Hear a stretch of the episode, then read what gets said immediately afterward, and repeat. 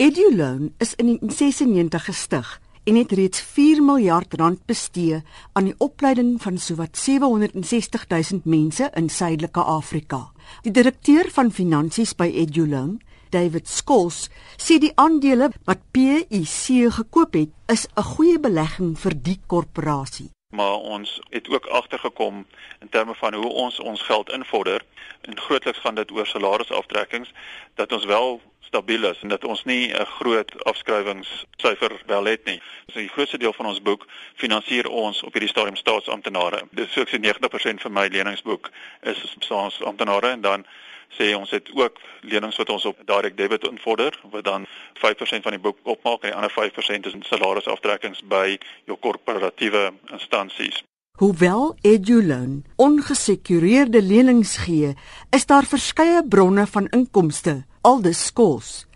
Dan word studente se uitgawes ook gekontroleer deur die beursgewer met die hulp van debietkaarte. Ons kry ons befondsing van spesifieke befondsingsplekke soos die compensation commissioner is een van hulle werkloosheidsversekeringsfonds en natuurlik ook die vergoedingskommissie wat vir ons dan befonds is ook die openbare beleggingskorporasie.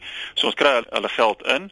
Hulle siening is om 'n sosiale impak te hê in die land. Hierdie fonds waar ons ons geld vandaan kry is genoem die Isabaya fonds en hulle kyk oor hoe jy sosiale impak oor 'n langtermyn bewerkstellig. Skol sê hoewel die verbruiker se skuldprofiele in die mark neig om hoër te word, kry Eduloan sy geld deur salarisaftrekkings van hoofsaaklik staatsamptenare. Die risiko word verminder omdat die geld wel vir studie is. Maar wat is die openbare beleggingskoöperasie se sekuriteit? Daar is 1.2 miljoen staatsamptenare in die pensioenfonds, die Government Employee Pension Fund wat dan die geld oordra aan die openbare beleggingskoöperasie met 'n mandaat wat dan sê julle moet belê in 'n stand dat ons opbrengs kan maak op die geld wat ons belê.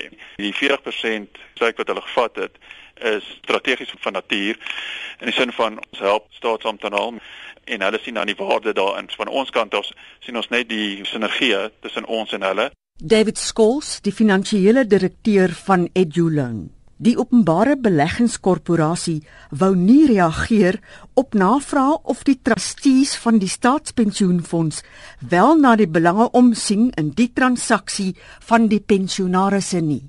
Mitsi van der Merwe in Johannesburg.